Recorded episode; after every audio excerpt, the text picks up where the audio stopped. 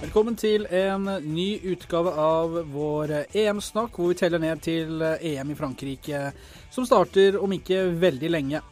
Fotball-EM er jo ikke bare en fotballfest, det er jo også en musikalsk reise. Vi har vært mange flotte fotballsanger opp gjennom årene.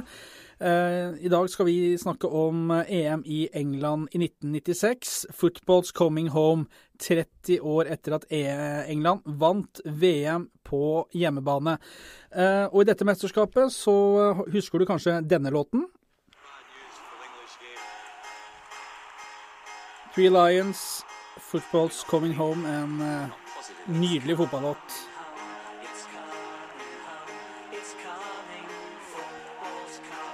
England var selvfølgelig favoritter til å bli europamestere, i hvert fall i egne øyne, Bertil Valdraug. Ja, som vanlig er vel det på forhånd, men eh, akkurat den gangen her så var det litt berettiget. Og, og når jeg hører den låten her, så oh. tenker jeg ja, er det 20 år siden? Det føles ut som om det var i forrige uke. altså. Det var fantastisk gøy å være der. Og det var jo helt i starten av min karriere i Aftenposten, og det var jo drømmeturen for en fersk journalist å dra til EM i England, fotballens hjemland.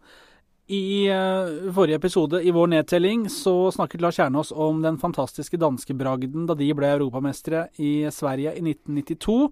Uh, I 96 var, EM, var det 16 lag som var med, men ikke Norge den gangen, uh, Bertil?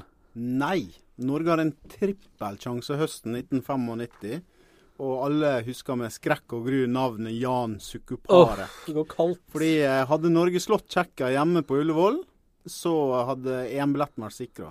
Spilte uavgjort i den kampen og måtte da sikre ett poeng i bortekampene mot eh, eh, Tsjekkia og Nederland, og endte opp med null poeng. Den siste kampen mot Nederland 0-3 det var grusomt. Men da gikk no, uh, et EM uten Norge. Norge var veldig gode på den tida. Det var litt trist at de ikke kom til mesterskapet.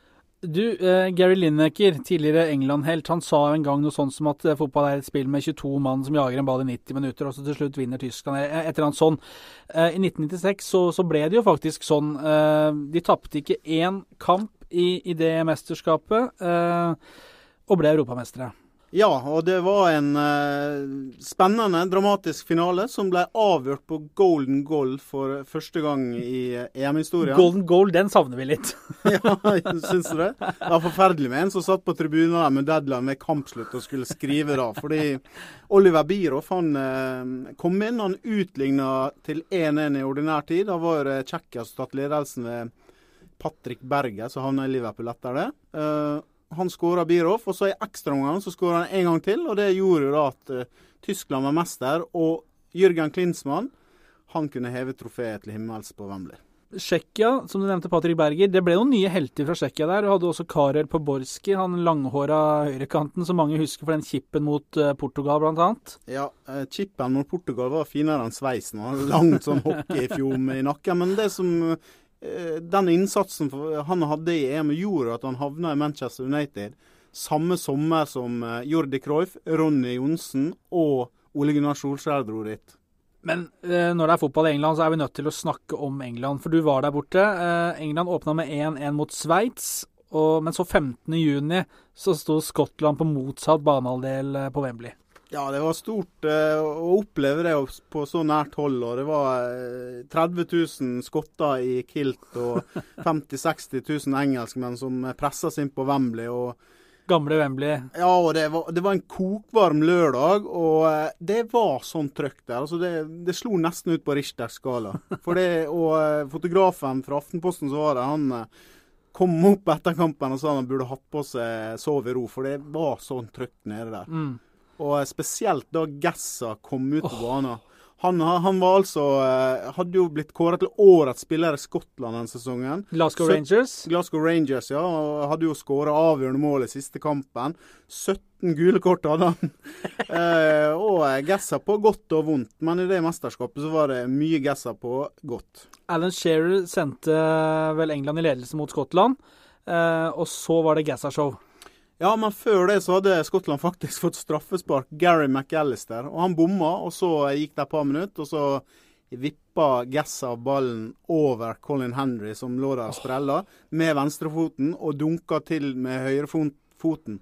Og Det som var litt gøy å oppleve, da, det var engelske pressen som hadde vært ute etter Gessa før den kampen, og mente det, det var direkte sitat En spiller med så tjukke kinn har ingenting på landslaget å gjøre. Eh, dagen etter kampen så eh, var det vel ei tabloidavis, jeg tror det var Daily Mirror, som lot da redaktøren av avisa eh, stå med øks over hodet på sportskommentatoren, som hadde skrevet noe sånt tøv om Gessa, og ba hele England om unnskyldning. Herlighet, den engelske pressen. Ja, de drar til, og, det, og, og før semifinalen mot Tyskland, så var det selvfølgelig Achtung eh, og alt mulig. Selvsagt. Og du, du, du, drar det jo elegant videre der. Tog, Tok, England tok seg videre fra kvartfinalen etter noe så sjelden som seier i en eh, straffekonk. Ja. Det har vi ikke vært bortskjemt med fra den kanten. Det var David Seaman som plutselig ble David Saveman. og så alle husker ikoniske bildene av Stuart Pearce fra det mesterskapet da han skåra. Og alle husker også de ikoniske bildene av Stuart Pearce fra VM i 1990, da han bomma i semifinalen mot Tyskland. Eh, semifinalen mot Tyskland, det var 1-1, eh, og så gikk det til eh, straffespark. Eh, alle skåra, bortsett fra Gareth Southgate. Ja, og det var, det var Det var veldig rart å være på Wembley da, for det var eh, en liten sving med tyskere som jubla helt ellevilt, og så var det musestille Mm. på Wembley ellers, og hele England eh, var i sorg da, og det kokte jo i sentrum etterpå med ja, det var biler som ble revet over ende, og skuffelsen var stor. Og da fikk jo egentlig engelsk presse litt skylda, for de hadde bygd opp om den såkalte krigføringa med 'Achtung baby' og 'Achtung surrender' og alt Mm, mulig. mm. Så eh, det var spesielt å være der, og det var jo synd, da, syns det, at England ikke kom til finalen. Fordi de fortjente faktisk å vinne semifinalen mot Tyskland. Hadde et stangskudd i ekstraomgangene, og Gessa hadde vel hadde han hatt eh, størrelse 43 istedenfor størrelse 41 på skoene, så hadde han skåra.